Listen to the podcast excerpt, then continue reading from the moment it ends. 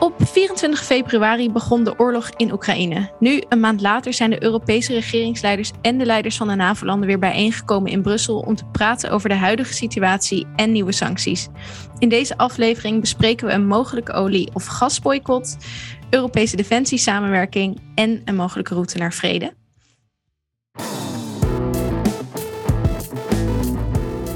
Welkom bij Bellen met Bas de podcast over Europese politiek waarin we bijpraten met GroenLinks-Europarlementariër Bas Eickhout. Mijn naam is Mijke Vedder.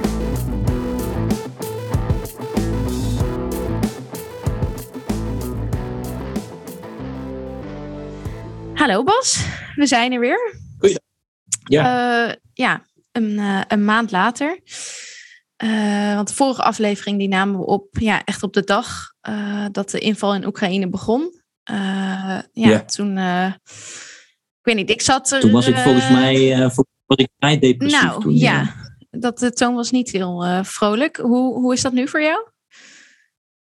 Nou ja, echt heel veel vrolijker kan je natuurlijk niet worden als je gewoon kijkt wat er gebeurt in Oekraïne. Ehm, en, en, en vooral als je gaat nadenken van hoe, hoe gaat dit eindigen. Ja. Daar, daar zullen we het nog wel over hebben, maar ja, het is natuurlijk een. Uh, het, conflict lijkt een steeds langduriger. Uh, ja, gewoon een, een soort van vernieling van Oekraïne te worden in slow motion. En uh, ja, daar word je natuurlijk niet vrolijk van. Ik denk wel dat op een aantal fronten Europa zich eensgezinder heeft laten zien dan we, nou ja, ik zou bijna zeggen, tot ooit hebben gezien. Ja. Dus uh, je kan wel concluderen dat Europese landen steeds sneller in staat zijn om gezamenlijk te reageren op allerlei crisissen. Als je het vergelijkt met de eurocrisis, toen duurde het jaren. Met corona waren we al veel sneller. Toen was het binnen een jaar. En nu was het uh, binnen een week uh, redelijk eensgezinde reacties. Dus we weten die eensgezindheid wel steeds sneller te vinden. Maar we hebben nog heel wat hele lastige discussies te voeren. Daar gaan we het ongetwijfeld ja. over hebben. Maar de, een, de eensgezindheid gaat nog wel heel veel getest worden de komende weken, maanden. Nou ja, hoe lang ook dit uh, kan gaan duren. Precies. Um, het lijkt me goed om eerst even terug te blikken op, op afgelopen maand. Wat er allemaal uh, is besloten, ook vanuit Brussel vooral. Um, er zijn meerdere sanctiepakketten aangekondigd en in werking gesteld. Um, volgens mij al vier. Er wordt nu overlegd over een mogelijk vijfde sanctiepakket. Um, wat, wat waren daarin de belangrijkste uh, sancties? Nou, ik denk dat, dat, uh, dat, dat de allerbelangrijkste sancties zijn geweest. Uh, nou, deels natuurlijk gewoon de, de, Poetin en alle vrienden eromheen. Dus de, de, de oligarchen, zeg maar. Dat die op persoonlijke lijsten zijn gezet en dat die eigenlijk geen toegang kunnen hebben tot hun tot hun rijkdom. We hebben gezien dat er her en der schepen worden geconfiskeerd eh, in Italië en dergelijke. Dus dat zijn hele nou ja, directe effecten die individuen uh, voor, uh, meteen voelen. Met natuurlijk het idee dat dat een effect gaat hebben op de steun van, van die elite die, die rondom Poetin acteert. Ik denk qua economische sancties was natuurlijk het allerbelangrijkste het uitschakelen van SWIFT waarbij dus eigenlijk Rusland tot op zekere hoogte eh, werd losgekoppeld van het internationaal betalingsverkeer. En daarmee eigenlijk de hele economie van, uh, van, van Rusland losgekoppeld te hebben. Op één grote uitzondering na, daar gaan we het zo over hebben. Uh, en natuurlijk ook de Russische centrale bank, die eigenlijk geen toegang kan hebben tot haar reserves. Althans, niet, uh, niet wel haar eigen goudreserve, maar niet de reserves die gestald zijn in Europese banken. Dus dat zijn ook forse onderdelen die de, eigenlijk de mogelijkheden van de Russische bank flink hebben beknot in het, in het acteren en het economisch opvangen. Um, en natuurlijk, en dat is een beetje meer een gevolg van private initiatieven, uh, maar ook wel onder politieke druk, het sluiten van bijna alle westerse bedrijven in Rusland. Ja. Uh, en soms uh, heeft dat nog een groter effect op de publieke opinie dan wat, uh, wat natuurlijk ergens in een economisch bestel wordt gedaan. Dus dat de McDonald's en de IKEA's dichtgaan in Rusland, ja, dat heeft natuurlijk een direct effect op de, de bevolking. Dus ja, je kan wel zeggen dat in grote snelheid de gehele Russische economie is, is ontkoppeld. Uh, op dus die ene grote uitzondering na. En dat is energie, ja. onze, onze, onze energieafhankelijkheid. Nou ja, dat, daar wordt dus nu naar gekeken. Want we hebben wel een beetje het net op allerlei fronten gesloten. Uh, maar de grote uh, escape-clausule die Poetin nog steeds heeft, is de Europese energieafhankelijkheid. En alle sancties zijn daar een beetje omheen blijven dansen. Want denk je dan ook dat ehm, de sancties die tot nu toe zijn genomen, dat die eigenlijk weinig zin kunnen hebben als je dus ook naar die energie kijkt? Of, uh, want ik vind het effect van de huidige sancties nog vrij moeilijk in te schatten. Uh, en, en hoeveel de gemiddelde persoon uh, ja, daar nu in Rusland van voelt. En denk ik ook, ja, wil je nou juist wel de bevolking raken, zodat die uiteindelijk in opstand komen? Of, of uh, is toch echt meer het doel om ja, die kring rondom Poetin zoveel mogelijk te raken? Ja, kijk, sancties zullen nooit zo kunnen worden vormgegeven dat ze uiteindelijk niet ook de bevolking nee. raken. Uh, en dat is natuurlijk continu het dilemma, is dat, dat ja, de Russische bevolking gaat dit uiteindelijk merken. En uh, ja, de geschiedenis wijst natuurlijk uit dat uh, de rijke mensen altijd beter in staat zijn om hun geld dan ergens nog wel weg te zetten, opzij te zetten. Terwijl arme mensen dat niet kunnen. Dus, dus de buffercapaciteit van de rijken is natuurlijk vele, vele malen, en zeker in Rusland, daar de ongelijkheid gigantisch groot is in vermogen. Ja, die, die, de, de, de buffercapaciteit voor, voor, de, voor ja, de normale Russen is natuurlijk ja, nihil. En die, die zullen er gigantisch van merken. Um, of ook, nou ja, je, je zeg maar een, een, een omwenteling in Rusland gaat bewerkstelligen met sancties, is ook maar de vraag. Uh, ik denk bij de dat, bevolking dan? Ja, wat je, ja, bij de bevolking inderdaad. Uh, ik denk wat. We moeten ons gaan voorbereiden op een uitputtingsslag. En een uitputtingsslag, vooral natuurlijk in Oekraïne, maar ook gewoon echt wel een uitputtingsslag uh, naar de Russische economie, de lange termijn effecten die groter zullen worden. Uh, en, en een uitputtingsslag voor, voor nou ja, onze westerse economie. En langzaam maar zeker zien we natuurlijk wel ja, die, die effecten uh, ook wel uiteindelijk neerdalen mondiaal. Um, en dat, we noemen, noemen alleen al de voedselketen.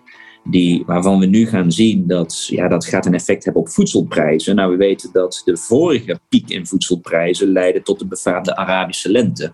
Dus je ziet gewoon Want dat, hoe, dat hoe zorgen allerlei... die sancties er nu dan voor dat, dat voedselprijzen omhoog gaan? Kun je dat uitleggen? Nou ja, kijk, sowieso is de markt, de voedselmarkt, uh, is natuurlijk altijd een, een uh, nogal volatiel. Dus reageert heel snel op kleine tekorten. Hè, er wordt heel veel geconsumeerd en heel veel geproduceerd, maar er zit eigenlijk vrij weinig buffer. Dus als daar een kleine schok in komt, kan het snel op een prijseffect hebben. Nou, op dit moment de schok is Vooral groot omdat Oekraïne en Rusland toch echt hele grote graanproductie hebben, ook voor de wereld. Niet zozeer voor Europa. Europa is redelijk zelfvoorzienend op veevoer na. Nou ja, veevoer komen we weer iets meer uit Latijns-Amerika dan uit, uh, dan uit het oosten. Eigenlijk de grootste tekort die we gaan zien, en dat zie je nu al in de supermarkt, is zonnebloemolie. Dat ongeveer 40% uit Oekraïne komt. Uh, maar gewoon puur voor de graantekorten en daarmee de graanprijs, ja, dat gaat een direct effect hebben. En dat heeft dan meteen een effect op de, de prijs van pasta, de prijs van brood. Nou, en met name de broodprijzen, dat gaat heel erg weer raken. Regio's in Noord-Afrika, het Midden-Oosten, ja. die daar heel erg afhankelijk zijn van import. Dus nou ja, die regio, die natuurlijk ook niet een, een model van stabiliteit is, ja, die, gaat, uh, die gaat met name een prijseffect uh, en, en zijn dat dan uiteindelijk redenen om, om bepaalde sancties ook niet in werking uh, te stellen? Of ja, hoe kijk je daarnaar? Nee, ik denk dat dat onmogelijk is. Uh, kijk, ik, dat, dat blijft het lastige in, dit hele, in deze hele nou ja, oorlog, is dat wij een economische oorlog zijn begonnen. Uh, en terecht. Uh, we hebben eigenlijk redelijk bewust gezegd, we willen geen, we willen geen militaire oorlog, behalve dat we dan hulp bieden aan Oekraïne. Maar we willen niet een directe betrokkenheid militair. Dus voeren wij de oorlog economisch.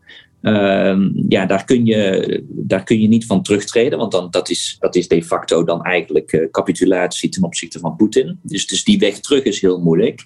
Maar ja, die economische oorlog zorgt natuurlijk wel voor, nou ja, we hebben een ongelooflijk mondiaal verweven economisch systeem. En wij overzien echt nog niet alle effecten die, die dit op dit hele keten, op dit hele economische systeem gaat hebben.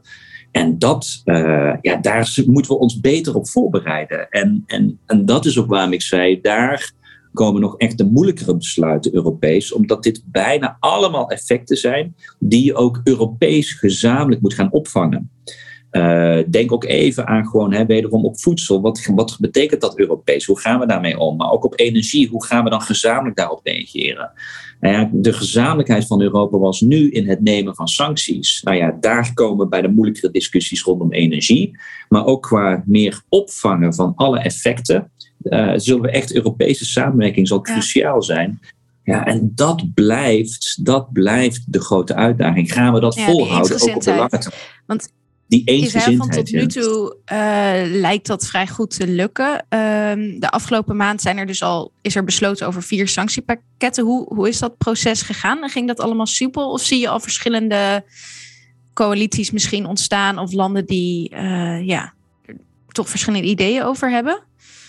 Nee, het gaat niet soepel. Het gaat niet soepel. Ja, het, het is een beetje hoe je het van welke kant je het bekijkt. Zeg maar, een Brusselse diplomaat zal zeggen, nou, het is nog nooit zo soepel gegaan.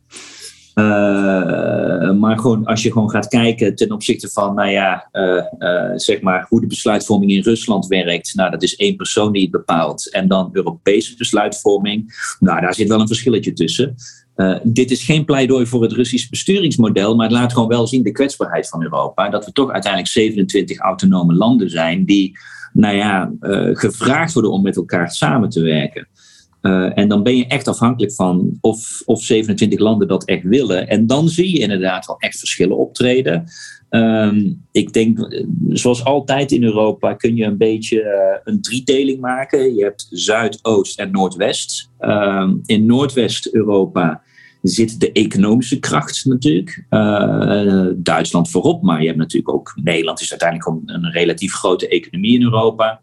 Ehm, dat is een, een deel van Europa dat altijd heeft ingezet op uh, handel, uh, economische groei via handel, open economie, uh, terugtredende overheid. Hè, het, het, we zijn nogal een liberaal land als Nederland.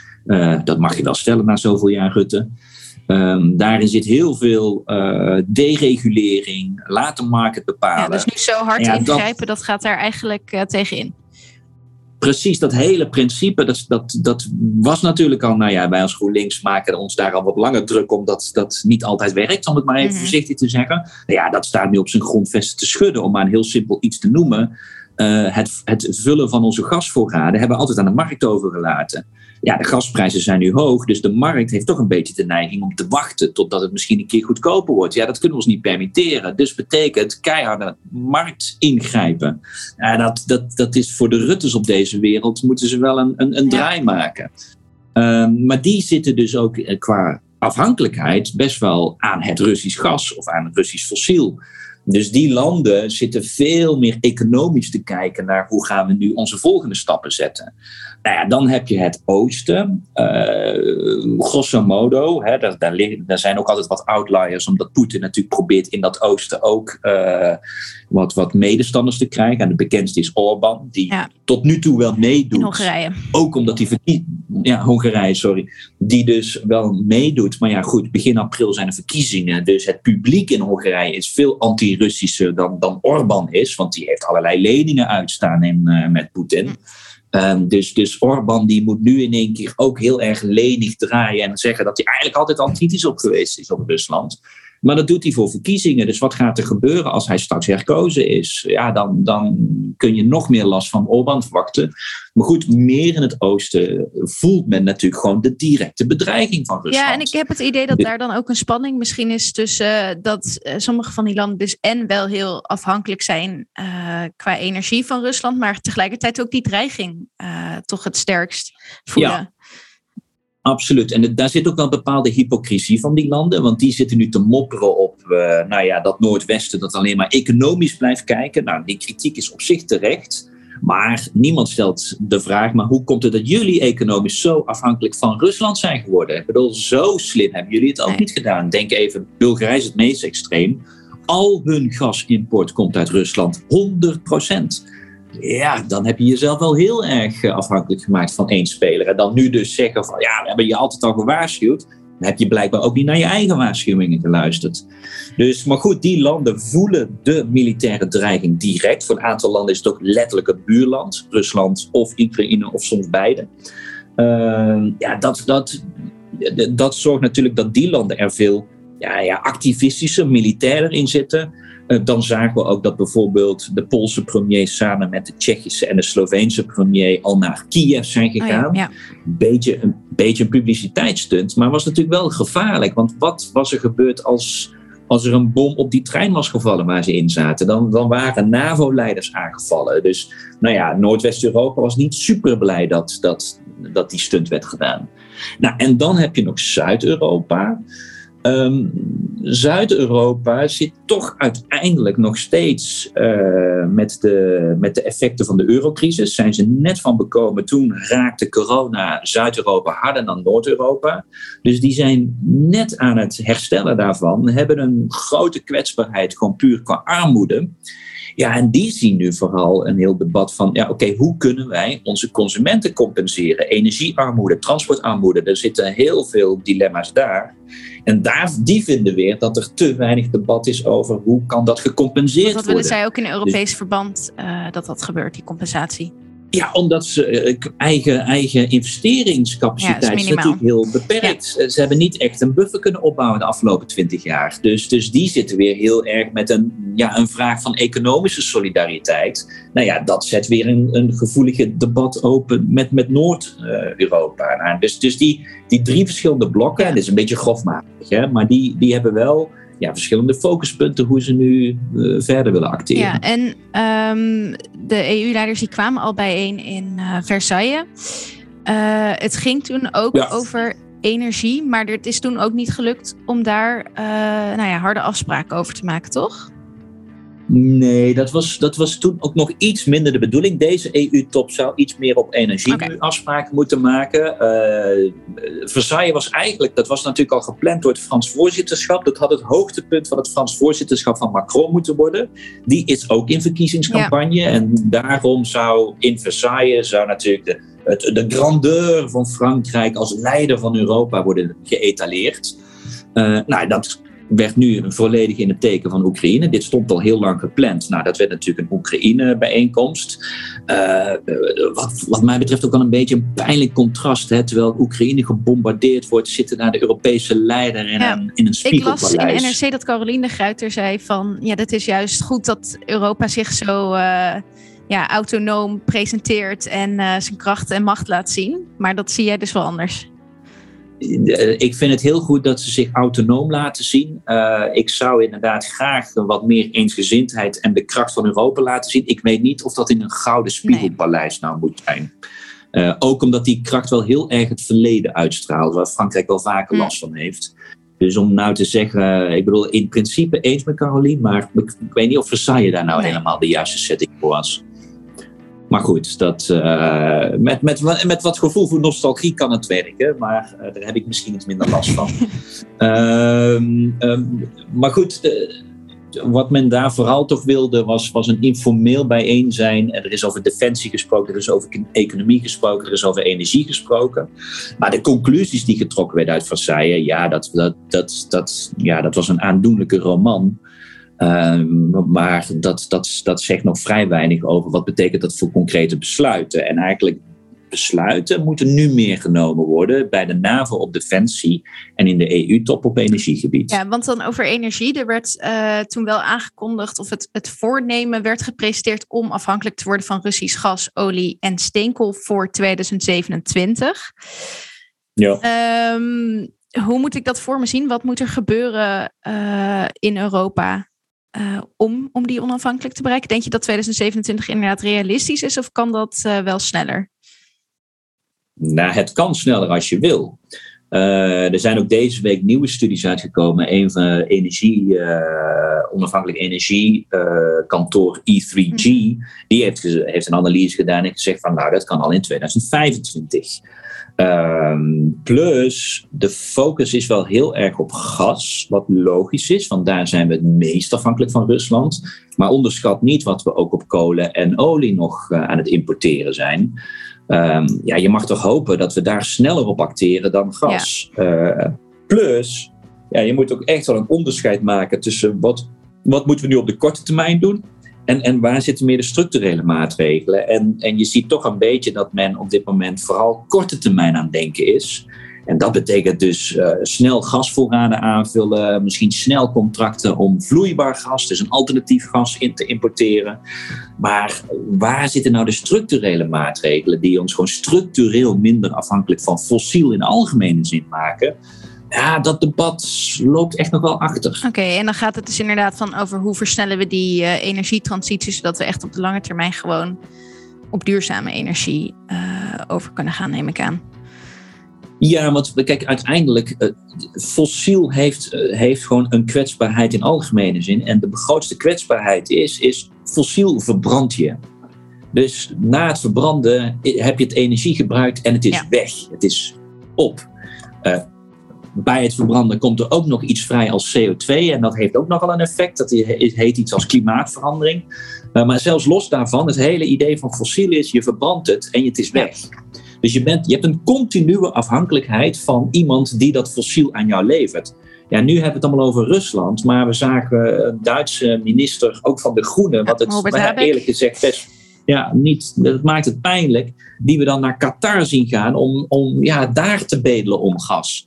Ja, dat zijn nou niet per se regimes dat je denkt, nou nee, dat is een stuk, nee. dat is een stuk vrolijker. Maar ik neem ook aan dat hij dat ook niet graag doet, maar dat ze dus het gevoel hebben dat dat nu uh, ja, die acute crisis is en, en dat het nodig is om nu ja, toch nieuwe contracten af te sluiten om gewoon in die eerste energiebehoeftes uh, te voorzien. Ja, maar wordt, toch wordt er iets te snel. Eigenlijk waren het twee dingen die er misgaan. Is, is er wordt er te snel eigenlijk gedacht in uh, gas vervangen door mm -hmm. gas. He, dat is een, uh, ik snap het, dat, dat is in een moeilijke wereld de makkelijkste. Maar we moeten ook echt gaan nadenken over hoe gaan we dat energiesysteem veranderen. En niet alleen maar gas door gas vervangen. Ook even, onderschat niet LNG, hè, vloeibaar gas heeft een veel slechter uh, footprint voor klimaat. Uh, zelfs als je het schoonste gas, je moet het nog steeds omzetten in vloeibaar om het te transporteren. En daarna, om het weer in het net te gooien, moet je er weer een gas van maken. Daar zit heel veel energieverlies, er zit veel lekkage. Dus LNG zou echt een noodvoorziening zijn. Ja, dus gas wordt niet alleen vervangen met gas, maar dus ook nog eens veel vervuilender gas veel vervuilender gas, per definitie. En dan is het ook nog eens heel vaak dat dat gas, bijvoorbeeld Amerikaans LNG, is schaliegas. Wat, een, wat weer veel meer chemicaliën nodig heeft, waar veel meer lekkage plaatsvindt. Er zijn nu deze week ook nieuwe onderzoeken uit Amerika gekomen die laten zien veel meer methaanlekkage bij, bij schaliegas in Amerika. Dus dat, dat heeft echt, ik snap de paniek, ik snap de urgentie, maar dit mag alleen maar een noodoplossing zijn en nooit een structurele oplossing. En dat mis ik zelfs bij een Habeck als hij naar Qatar gaat, toch ook wel dat narratief, die boodschap. Dit moeten we nu doen omdat we in een oorlog zijn, maar dit kan nooit een structurele oplossing zijn. En je krijgt toch het gevoel dat, dat veel Europeanen toch weer in, in eigenlijk die switch te makkelijk maken van we doen nu een noodoplossing, maar het zou ook wel mooi zijn als we die lekker structureel laten zijn. Want een van de oplossingen die er nu de Europese Commissie, dat heeft Ursula von der Leyen net getweet, hè, vrijdagochtend. Dolblij, we hebben nu met Amerika afgesproken dat Amerika ja. uh, tot en met 2030 ons 50 BCM uh, uh, vloeibaar gas gaat leveren. Dat onze Russische afhankelijkheid is 150. Ja, dus een derde. Nu daarvan. gaan we ons dus een derde daarvan gaan we nu volledig uit de VS, vastgelegd tot 2030. Nou, vertrouw de Amerikanen toe dat dat een goed werkcontract gaat worden. Uh, en procentueel willen we minder afhankelijk van gas worden. Dus zitten we onszelf weer waarschijnlijk vast te zetten met allerlei LNG-contracten. Want dit is pas de eerste. Ja. Dus ik, oh ja, je ziet wel, uh, de geschiedenis herhaalt zich niet, maar misschien niet, maar we maken wel vaak dezelfde fouten. En dit is nu al definitief? Of, of kan, uh, heeft het Europese parlement hier bijvoorbeeld ook nog een rol in? Of uh, is het alleen uh, nou ja, van een afstandje nou, te kijken? Kijk, dat, ja, nu, nu snijd je nog een ja. leuk onderwerp aan. Want dit gaat natuurlijk over eigenlijk een fundamentele verschuiving in, in het hele energiedebat. wat op zich goed is, maar wat echt wel op democratiegebied nog dat wel een flinke stap dus veel meer nu ook Europees geregeld gaat worden. In plaats van dat dat ja, bij tot de nu EU-landen toe, Precies, tot nu toe was, uh, was gascontracten, uh, energiecontracten bilateraal. Dus, dus uh, op een gegeven moment hadden Europese landen gezamenlijk iets, met, iets van 60 bilaterale gascontracten met derde landen, dus niet-EU-landen. -hmm. 60. Allemaal eigen contractjes, allemaal naar, naar Poetin om daar een contractje te doen, of naar Algerije of naar Qatar dus. Allemaal eigen contracten. Nou, die worden daar heerlijk tegen elkaar uitgespeeld. Bulgarije even terug, wat ik net noemde. Waarom zijn ze 100% afhankelijk geworden? Ze kregen gewoon goedkoop gas van Rusland. Dus Poetin zei, we kunnen je goedkoop gas bieden. Veel goedkoper dan Azerbeidzjan en al die andere types die willen concurreren. Ja, hartstikke goedkoop. Dus Bulgarije dolblij, goedkoop gas. 100% afhankelijkheid. Dit laat zien, als wij het energiebeleid nationaal blijven organiseren, hebben we een gigantisch probleem. Nu, in paniek, is er eindelijk wat meer ruimte dat nu Europa wat mag gaan onderhandelen. Maar heeft dus twee grote nadelen. Uh, het eerste nadeel is, gaan we dit ook voor de lange termijn of is het alleen maar nu in paniek en niet voor de lange termijn? En gaan we dus naast deze korte, urgente oplossingen, Europees, gaan we nog steeds allemaal nationale oplossingen zien, zoals Duitsland naar Qatar.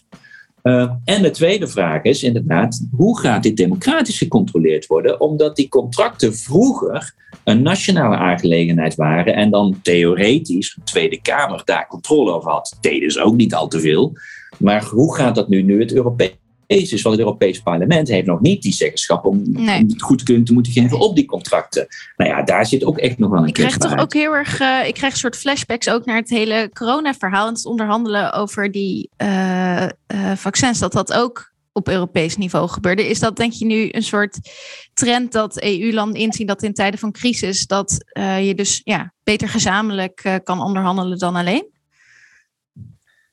Ik hoop het. Maar ik hoop dus dat dat structureel wordt en dat we niet telkens dit alleen doen als er een oorlog is of als er een pandemie is. Ja, ook qua die dus democratische controle. Uh, ik denk dat dat nu dus ah, ondergeschoven wordt, terwijl als het meer structureel is, daar mogelijk ook meer. Uh, Precies, bij corona, bij corona heb ik uiteindelijk uh, heb ik ook gezeten een jaar lang in een vaccin-contactgroep. Ja. Maar dat was uiteindelijk dat wij gewoon ja, vragen mochten stellen aan de commissie. Maar dat was mm. het. Ehm, ja, en ook ehm, niet dus, omdat dus, het ergens was vastgelegd, denk ik, maar meer gewoon omdat nee, het op dat moment gewoon zo werd geregeld. Ja, omdat wij druk hadden gezet van ja, maar hoe, hoe die contracten, wat staat erin? Wat, wat wordt daar precies afgesproken? Nou, dan hebben we, onder druk hebben we meer inzaken gekregen, maar het was vechten voor die controle. Uh, plus is het continu van ja, maar dit is nu nodig, in paniek, crisis. Ja, snappen we. Maar dit zou eigenlijk veel structureler een oplossing moeten zijn, maar dan zouden we het ook structureler moeten regelen qua inspraak, qua democratische controle. Ja. Nou ja, dat gedeelte, die moeilijke discussies, ja, daar is men nog lang niet aan toe. Men zit nog allemaal in een paniekmodus. Nou, duidelijk dat daar nog ruimte voor verbetering is. Um, we hadden het vorige keer ook over dat het zeker nodig is om gewoon te gaan besparen. Uh, in plaats van uh, nou ja, te vervangen door andere energiebronnen. Zijn op dat gebied al stappen genomen? Ja, te weinig. En, en dat, blijft, dat blijft redelijk verbijsterend. Is dat um, iedereen het wel zegt natuurlijk. Hè? Dat, dat heet op Europees niveau Energy Efficiency First Principle. Dus uh, ja, het energie besparen eerst, hè, want dat is logisch. Energie dat je niet gebruikt, hoef je niet op te wekken, hoef je niet te verbranden, je hoeft het niet in te importeren. Dus, dus iedereen in theorie is daarmee eens. Maar het blijft een ondergeschoven kindje. Ook als je gaat kijken naar de plannen van de Europese Commissie, maar ook als je Nederlandse plannen ziet. Het wordt allemaal genoemd, maar het, bijvoorbeeld even een hele simpele vraag. Hebben wij ergens van, een, van welke Europese regering nu gewoon al een campagne gezien wat je kan doen om Poetin minder te betalen? Dan, je kan langzamer rijden, je kan, je kan de verwarming net iets minder aanzetten. Uh, er zijn heel veel mogelijkheden, maar A, daar zien we nog vrij weinig van. En B, uiteindelijk om echte meters te maken, zal dit georganiseerd moeten worden door de overheid. Ja ja, ik, ik, ik vind de passiviteit van overheden hierop vind ik, um, redelijk schokkend. En, en bijvoorbeeld het Internationaal Energieagentschap, toch niet het meest progressieve. Hè? Dat, dat is opgericht om een beetje samen te werken op fossiel. Dus dat is waar ze vandaan komen. Maar die, die komen nu met adviezen die vele malen progressiever zijn dan welke regering in Europa ook.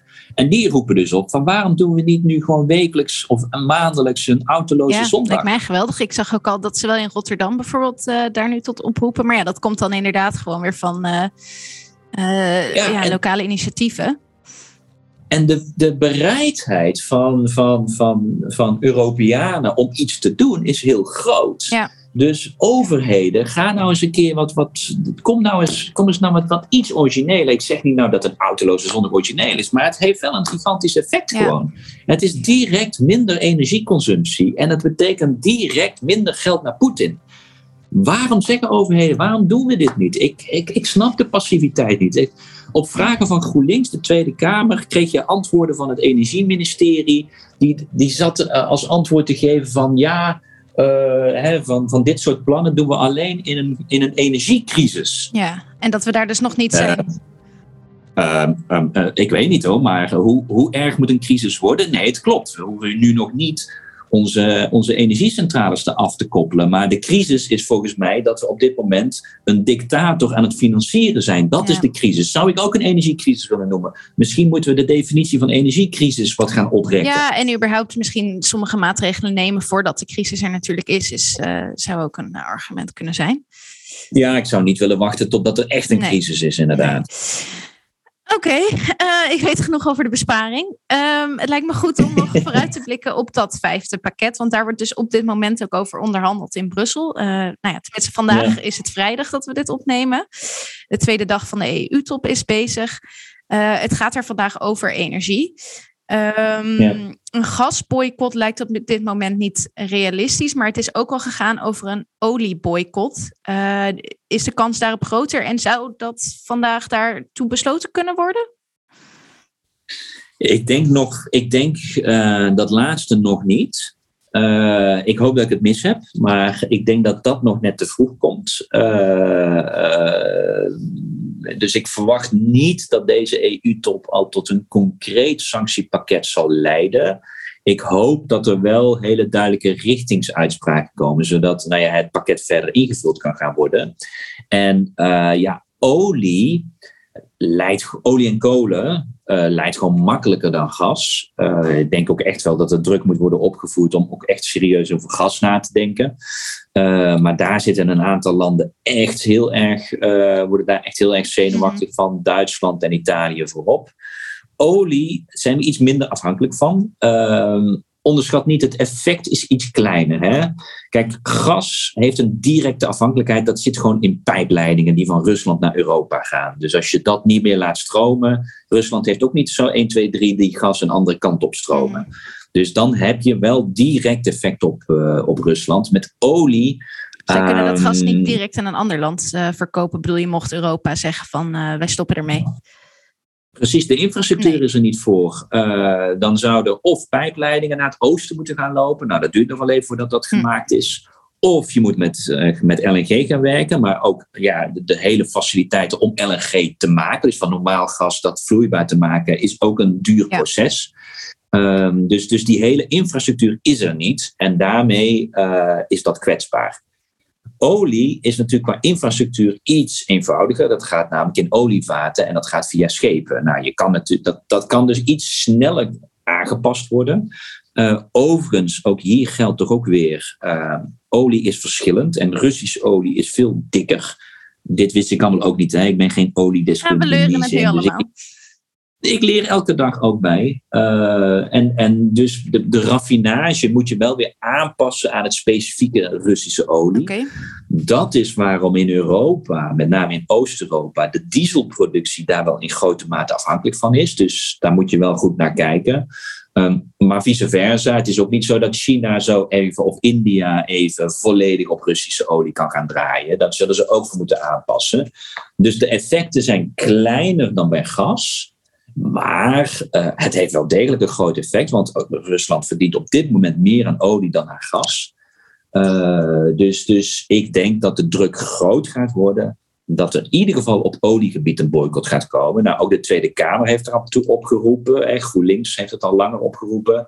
En je merkt ook aan het antwoord van Rutte dat hij hier opener voor staat dan gas. Dus wat even kort samenvat, voor ons, uh, voor Europa, uh, doet het minder pijn om, om een olieboycott te doen dan een gasboycott. Maar Rusland kan er eigenlijk harder op geraakt worden, omdat zij er meer aan verdienen dan op gas.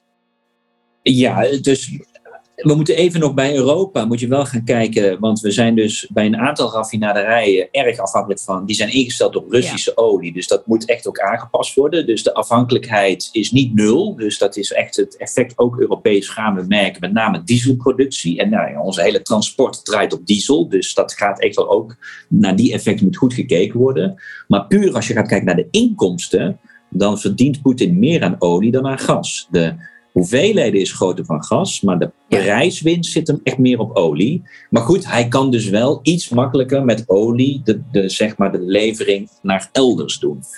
Uh, maar waarschijnlijk tegen een goedkopere prijs. Want ja, een land als India zal natuurlijk zien: hé, hey, uh, Rusland is in paniek, moet het kwijt. Nou, die kunnen dan uh, kunnen haar scherper onderhandelen. Dus, uh, dus het effect zal wat gedempt worden als je alleen een olieboycott doet.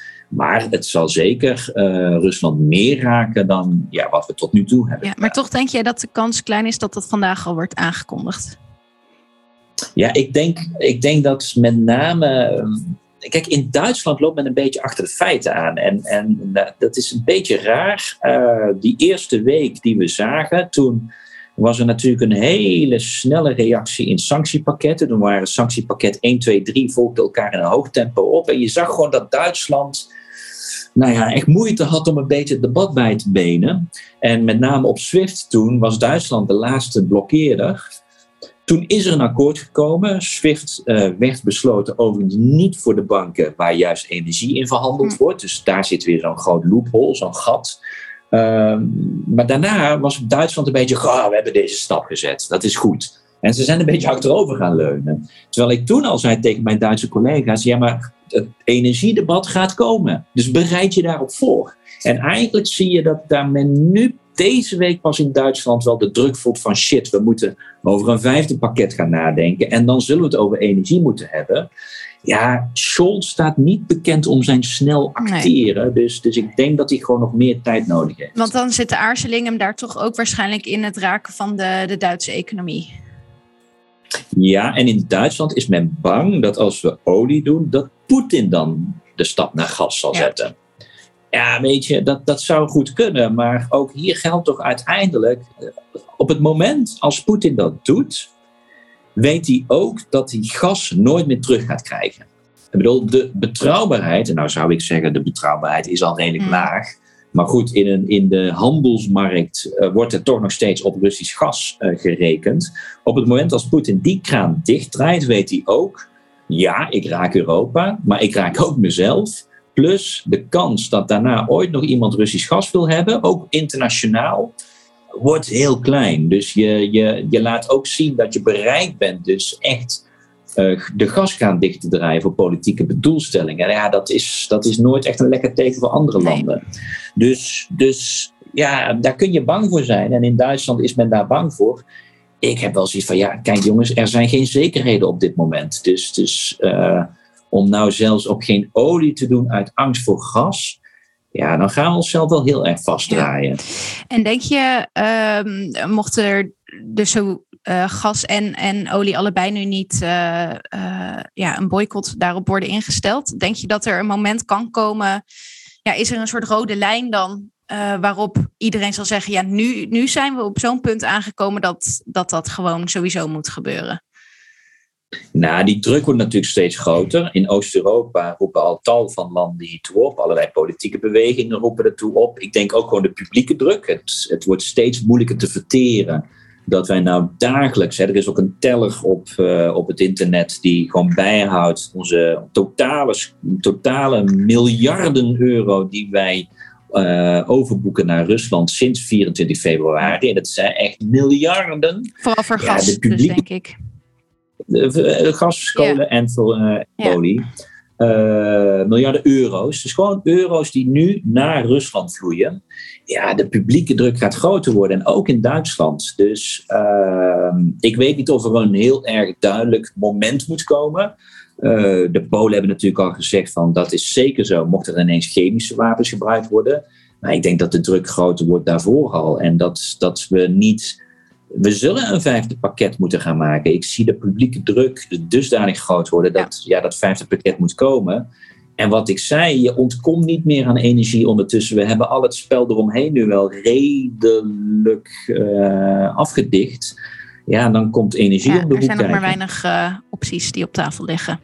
Ja, wil je grote stappen, wil je nog grote stappen zetten, dan is nu energie aan de Ja. beurt. Um, we hadden het ook al even over de mogelijke gevolgen en energiearmoede. En dat dat ook een reden kan zijn uh, voor landen om nu dus nog geen actie te ondernemen. Tegelijkertijd zijn er ook al in heel veel landen uh, ja, compensatieregels aangekondigd. Um, maar zijn hier ook Europese plannen uh, dus al voor? Nou, dat is ook een discussie die natuurlijk komt. Die wordt heel erg aangezwengeld door Zuid-Europa. Maar goed, terecht. Hè? Als je nu gaat kijken, die energiecrisis gaat natuurlijk consumenten raken. En als je het niet slim doet, dan raakt het vooral de armeren. Ja. En, en uh, nou ja, de eerste reacties ook van het Nederlands kabinet, maar laten we eerlijk zijn, dat zie je in heel veel landen, zijn niet super slim. Nee, die accijns. Uh, uh, met name de accijnsen. Kijk, ik snap nog ergens dat je zegt de energierekening, het wordt te complex om dat nou helemaal te gaan uitdokteren. Dus iedereen krijgt een bepaalde teruggave. Ik zou dan wel meteen politiek zeggen, maar dan gaan we in het belastingstelsel wel verdisconteren. Dat is dan niet dit jaar, maar volgend jaar. En je kan natuurlijk meteen al aangeven, we gaan er wel voor zorgen dat de rijkeren dat weer meer terug moeten betalen dan de armeren. En dat, daar heb je een prachtig fenomeen voor, dat heet belastingen. Uh, dat mis ik nog steeds een beetje in, ook al in de communicatie. Maar goed, voor de snelheid snap ik dat je bij de energierekening misschien een, een, een snelle compensatie doet in algemene zin. Maar ik snap de accijnsen snap ik echt niet. Uh, daarin, uh, dat kan echt intelligenter. En, en hier raak je natuurlijk vooral de mensen die het meeste uh, tanken, die worden het meest gecompenseerd. Nou, dat zijn over het algemeen de grotere auto's, de SUV's, en die worden meestal niet gereden door de kleinere mensen, door de kleinere Ja. gezinnen. Uh, dus, dus deze maatregel is per definitie een oneerlijke maatregel en kan echt slimmer. En bijvoorbeeld in Duitsland, uh, waar overigens ook zo'n accijnsbesluit zit, maar wat ze ook hebben besloten, is het openbaar vervoer heel goedkoop maken. En um, dat is nu per maand, voor de komende drie maanden, voor uh, 9 euro per maand, mag je volledig gebruik maken van OV in Duitsland. Ja, dat is natuurlijk Ja. echt wel, dan, dan heb je meteen minder energieverbruik voor mensen die dat niet kunnen betalen. En je, je hebt een alternatief dat je aanbiedt. Ja, dat zijn veel slimmere maatregelen. En ook hier snap ik weer niet, waar wacht het Nederlands kabinet op? Waarschijnlijk is de crisis er nog niet genoeg. Ja, het is oorlog, mensen. Ja, en dit zijn dus maatregelen die eh, door lidstaten zelf zijn aangekondigd. Eh, Ja. Zien we hier dan dus weer dat op sociaal gebied eh, ja, die competentie vooral bij de lidstaat ligt en dat Europa weinig kan doen? Of, of kunnen we daar nog meer van verwachten? Nee, kijk, in, in principe zijn natuurlijk grote maatregelen zijn Europees uh, of uh, nationaal. Europees moet soms wel regels daarvoor aanpassen. De staatssteunregels moeten dan soepeler worden gemaakt, zodat landen dit makkelijker kunnen doen. Dus er zijn wel allerlei uh, regels daarover. Natuurlijk ook wel is er een heel debat nu ook op de Raad over die energiemarkt, hoe die nu zit. Hè. De, de elektraprijs is gekoppeld aan de gasprijs. Dat heeft allerlei redenen, met name ook wel gewoon het verdienmodel voor zeg maar, de vervanging op elektra.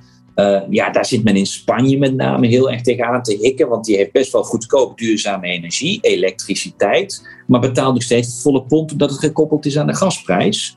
Nou ja, daar wordt nog een lastige discussie over gevoerd die wel echt Europees moet. En waar we natuurlijk naartoe gaan, en uh, ook daar heb ik Nederland gezegd, nou, dat is nog niet nodig, maar die gaat natuurlijk komen. Dit vergt heel veel investeringen op allerlei fronten. En er is gewoon een ongelooflijke grote ongelijkheid in Europa over die buffercapaciteit. Ook gewoon puur qua begroting, qua ja, wat budget. je al zei, van in het zuiden van Europa is er gewoon minder te investeren. Precies. Die, die, uh, die ruimte is er gewoon beperkter. Uh, na eurocrisis, na coronacrisis, na al die jaren. Uh, en dus zal de roep om toch weer naar een Europees investeringsprogramma te kijken, zal luider worden. Dat wordt waarschijnlijk nu nog afgedekt door laten we eerst gaan kijken naar het coronafonds dat we hebben. Kunnen we daar nog het geld wat opnieuw gaan herallokeren, hè, beter inzetten? Oké, fair enough, dat, dat, dat mag. Maar ik denk dat je nu al wel kan voorspellen dat, dat er meer nodig is. En ja, dan, dan zal er echt grote druk weer komen op een Europees investeringspakket. Dus die discussie, nou, die begint al vandaag op de Raad. Verwacht niet meteen conclusies, maar richting de zomer. Je weet nog, corona, ja. juli twee jaar geleden, met die befaamde EU-top. waarin Rutte uiteindelijk om Ja, het duurde heel lang, maar uiteindelijk was iedereen het toch wel met Precies. Nou, ik denk juni, juli kunnen we weer zoiets En ook het, het, die, die eurobonds waar het toen over ging, die discussie speelt nu nou ook een beetje op. Is dat nodig dus voor zo'n groot investeringspakket dat er gezamenlijk geleend nou gaat worden? dat is dus dan het idee. Als je het Europees doet. Uh, kijk, en we hebben dat nu met corona gezien. Uh, de theorie was natuurlijk van er is grote oneerlijkheid. Uh, Noord-Europa kan veel makkelijker lenen dan Zuid-Europa. Dus als je dat Europees doet, dan deel je meer die risico's. En de markt vertrouwt zeg maar, die Europese bonds beter. Nou, we hebben gezien dat dat klopt. De eerste uitgiften van die Europese bonds waren super populair. Dus die konden vrij goedkoop worden weggezet. Dus Europa kan eigenlijk heel goedkoop lenen, wat dus een unicum was voor corona. Ja, als je dat weet, ja, dan, dan gaat natuurlijk die vraag vanuit landen uit Zuid-Europa, die weer economische klappen gaan krijgen, weten dat zij dan moeilijk op die markt kunnen komen.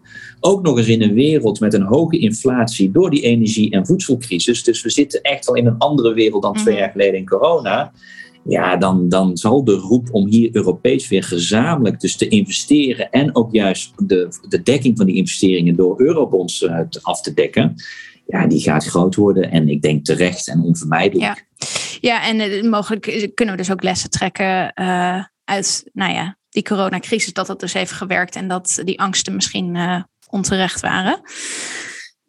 Ja, alhoewel natuurlijk wel. Helemaal eens. En ik ben er dus ook groot voorstander van. Want ik denk dat we dan echt. Nou ja, we besparen als Europese Unie gezamenlijk heel wat kosten. Uh, maar nog wel het puntje, klein puntje. Die coronaleningen moeten nog wel terugbetaald worden. Hè? Dus, dus ja, dat is niet dat moeilijke onderdeel moet nee. nog. Nee, nee, dat moet nog gebeuren. Maar goed. Maar goed, de oorlog, oorlog hebben we niet kunnen voorzien, nee. zeg maar. Um, we zijn nu al een tijdje aan het praten, maar ik wil het toch ook nog even hebben over defensiesamenwerking en diplomatie. Want ook op dat gebied uh, is, nou ja, eigenlijk uh, zijn heel veel taboes lijkt het doorbroken de afgelopen maand. Uh, er is al twee keer nu 500 miljoen vrijgemaakt om wapens te leveren namens de EU. Dat was ook nog niet eerder gebeurd. Er is een strategisch kompas aangekondigd.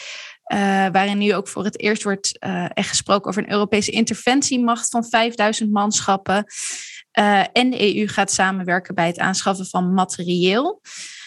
Um, ja, hoe moet ik dat zien? Is dit nou echt iets wat we nog nooit eerder hebben gezien? Jij zei in de vorige aflevering al van ja, misschien zijn we inderdaad toch naïef geweest, ook als groenen. moeten we dit toejuichen? Nou, kijk, ik denk, uh, het, ik heb dit ook op de Nederlandse radio gezegd, bij de Nieuwsbv. Ja. Uh, dat leverde best wel wat reacties op. Over het algemeen niet, niet volgens mij, over het algemeen positief hoor. Dus um, en ik heb dat ook bewust gedaan, omdat ik ook vond van, kijk, eh, op energiegebied, op heel veel fronten roepen wij al langer op Europese samenwerking en alles. Dus, dus wij kunnen best wel wat andere partijen van naïviteit betichten. Ik bedoel, wij hebben altijd ons verzet tegen Nord Stream 2. Um, op tal van fronten kunnen wij dus heel erg I told you zo gaan uitstralen. Ik vind dat niet heel sterk als je dan ook niet ook kijkt naar je eigen zwaktes. Dus, dus daarom heb ik dat, vind ik dat, uh, dat we dat bewust hebben moeten doen. Ik denk wel dat het debat weer nu de andere kant doorslaat. Dus dat ik nu weer meteen van, oh, oh, oh een beetje mm. rustig. Uh, omdat, kijk, ik vind dat we echt wel even weer goed moeten gaan kijken naar uh, defensieuitgaven. En waar mijn naïviteit zat, is dat ik ook echt inderdaad niet had verwacht dat we ook echt klassieke defensie weer moeten doen. We worden namelijk gewoon weer op ons grondgebied aangevallen met tanks en vliegtuigen. Het is een klassieke oorlogsvoering. Uh, ik dacht veel meer, het wordt cybersecurity en allemaal dat soort zaken. Uh, maar we hebben dus ook gewoon een hele klassieke defensiemacht nodig, blijkt dan. Um, maar dat is na, daarna wel heel erg geëscaleerd tot een debat. Nou, iedereen gaat nu meer geld uitgeven. Ja. ja, als Europa in zijn totaliteit betalen wij al veel meer geld aan defensie dan Rusland. Dus, dus geld is niet het enige probleem. Dus dat, dat is denk ik wel waar we nu heel erg naar op moeten gaan hameren. Dit is niet een geldprobleem, dit is een organisatieprobleem. En daar met alle respect, ja, de oplossing om efficiënter te worden ja, het is een beetje flauw misschien en het klinkt een beetje afgezegd, maar ga nou eens een keer Europees samenwerken. Ja, We want het, het probleem is dus dat die lidstaten gezamenlijk wel meer geld hebben, maar dat je dat dus allemaal nationaal organiseert en het daardoor dus niet één gezamenlijke mankracht is nationaal, met ook nog eens eigen, heel vaak eigen industrie. Hè, met name Frankrijk, Duitsland hebben best wel een grote oorlogsindustrie. Die hebben weer eigen standaarden. We kunnen niet met elkaar communiceren. We kunnen nog heel vaak allerlei wapensystemen niet eens op elkaar aansluiten. Dus, dus dat zijn allemaal individuele investeringen die gezamenlijkheid in de weg staan, omdat, er, omdat daar geen afspraken over worden gemaakt. Ja, dat is nu het debat dat gevoerd moet gaan worden. Niet alleen maar meer geld, maar vooral, hoe gaan we dat slemmen inzetten? Nou, dat strategisch kompas doet daar de eerste aanzet toe. Ja, 5000 manschappen is niet superveel, hè? Nee, dat um, klinkt niet heel indrukwekkend. Ik denk niet dat Rusland daar maar, van ligt. Precies, maar het is nog erg algemeen en erg vaag. Uh, volgens mij moet het veel concreter worden. En dat betekent ook soms hele oerzaaie wetgeving om die wapensystemen, gewoon de standaarden op elkaar aan te laten sluiten. Dat is ook gewoon soms wetgeving, want die wapenindustrie heeft daar geen enkele wetgeving. Dus die kan gewoon nog vrij en blijde doen wat ze willen. En ze weten, Frankrijk koopt onze Franse wapens toch mm. wel. Ja, zullen we daar nu eens iets meer Europees naar gaan kijken? En nou ja, Macron heeft een mond vol over Europa en Europese samenwerking. Maar op dit soort fronten hoor je hem altijd nog niet zo heel erg hard. Nee, oké. Okay. Uh, staat denk ik de komende tijd ook nog veel over de, uh, op de agenda. Dus hoe die samenwerking er dan uit moet zien. Um, we hebben echt nog te lastige discussies te gaan. Ik bedoel, de eerste reacties waren goed, maar dit Misschien wordt ook de makkelijkste aankondigingen inderdaad om te gaan doen. Ja, en de urgente, hè, waar de urgentie gevoeld wordt, daar lukt het wel. Maar dit zijn afspraken voor de lange termijn. En zijn de leiders dan nog steeds in staat om die samenwerking te vinden? Dat wordt de grote uitdaging. We hebben het nu dan over uh, sancties gehad, uh, energie, defensie. Uh, ja, dat lijkt toch een soort escalatieladder te zijn. Maar uiteindelijk hoop ik toch ook dat het vooruitzicht is om naar vrede toe te werken. is, is het alsmaar escaleren daarin dan wel ja, de beste route? Of ja, wordt er ook al echt wel actief nagedacht van hoe, hoe zorgen we eigenlijk voor dat we dit gaan deescaleren? Nou, eigenlijk uh, dat, dat onderdeel nog te beperkt. Hè. Er wordt natuurlijk heel erg gehoopt dat, dat, er gewoon, dat het overleg tussen Rusland en Oekraïne wat gaat opleveren. Uh, maar eigenlijk moeten we natuurlijk ook vanuit Europa veel meer gaan nadenken van ja, wat wordt ons eindperspectief van dit? Uh, en, en daarin uh, is het toch ook wel van, ja, wat, wat wordt de positie van Poetin? Is dit nog te doen met Poetin? Uh, daar, zullen, daar denken de landen verschillend over. Maar ook, ja, uiteindelijk, kijk, diplomatie zul je ook nare dingen moeten besluiten. Namelijk, hoe ga je Poetin een soort van eervolle weg terugbieden? daar wordt eigenlijk nog te weinig over nagedacht. misschien is het niet mogelijk, hè? Want, want Poetin toont zich in alles op dit moment echt uh, nou ja, als, een, als een losgeslagen dictator die niet, niet uh, zeg maar de checks en balances in Rusland zijn 0,0. Dus een, een vrede uh, zou voor hem ook iets op moeten leveren. Of in ieder geval het gevoel moeten geven dat het iets oplevert. Ja, Tenzij je gaat voor volledige vernietiging, uh, zoals we dat zagen aan het eind van de Tweede Wereldoorlog. Maar ik denk dat iedereen dat model graag wil voorkomen. Ja. ja. als je dat model wil voorkomen, dan zul je echt moeten gaan nadenken: what's in it voor Poetin? Dat klinkt toch ook wel weer als een uh, pijnlijke realisatie. Ja, maar ja, goed. Ik bedoel, we, we willen toch een einde ja, aan die realistisch. oorlog. En, ja, en ik, dat neemt niet weg. Hè. Ik ik ben voorstander van om ook economisch te blijven escaleren, om echt de, de duimschroeven aan te draaien. Ik ben ervoor dat we Oekraïne blijven helpen. Uh, we hebben nog helemaal niet over vluchtelingen gehad, dat ook nog steeds meer uh, coördinatie en gezamenlijkheid uh, vraagt. Maar uiteindelijk zullen we ook moeten nadenken, hoe kunnen we Rusland, en misschien moeten we ook gaan nadenken over de mensen rondom Poetin, hoe kunnen die op een of andere manier een weg terug weten te vinden? En, en wat daarin zorgelijk is, is dat er eigenlijk er is op dit moment geen interactie tussen het Westen en Rusland. En dat zorgt voor een hele onduidelijkheid over hoe de oorlog kan gaan lopen. Hè? De fog of war, zoals dat wordt genoemd. Uh, maar ook, ja, wat voor aangrijpingspunten hebben we om, om hieruit te komen? Ja, dat debat uh, zal ook echt gevoerd moeten worden. er staat ons uh, heel veel te gebeuren. Moeilijke gesprekken, denk ik, de komende tijd in Brussel.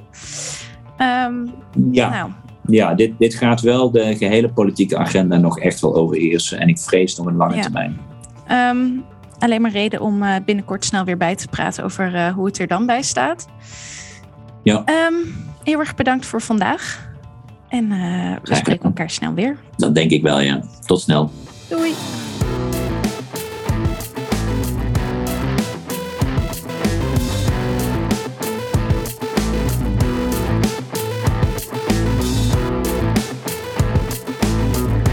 Dit was Bellen met Bas, een podcast van GroenLinks Europa en de Groenen in het Europees Parlement. We horen graag van je. Laat je reactie achter op vriendvandeshow.nl slash bellen met Bas en meld je aan voor onze Europa-update op europa.groenlinks.nl. De audiovormgeving is door Studio Cloak. Tot een volgende keer!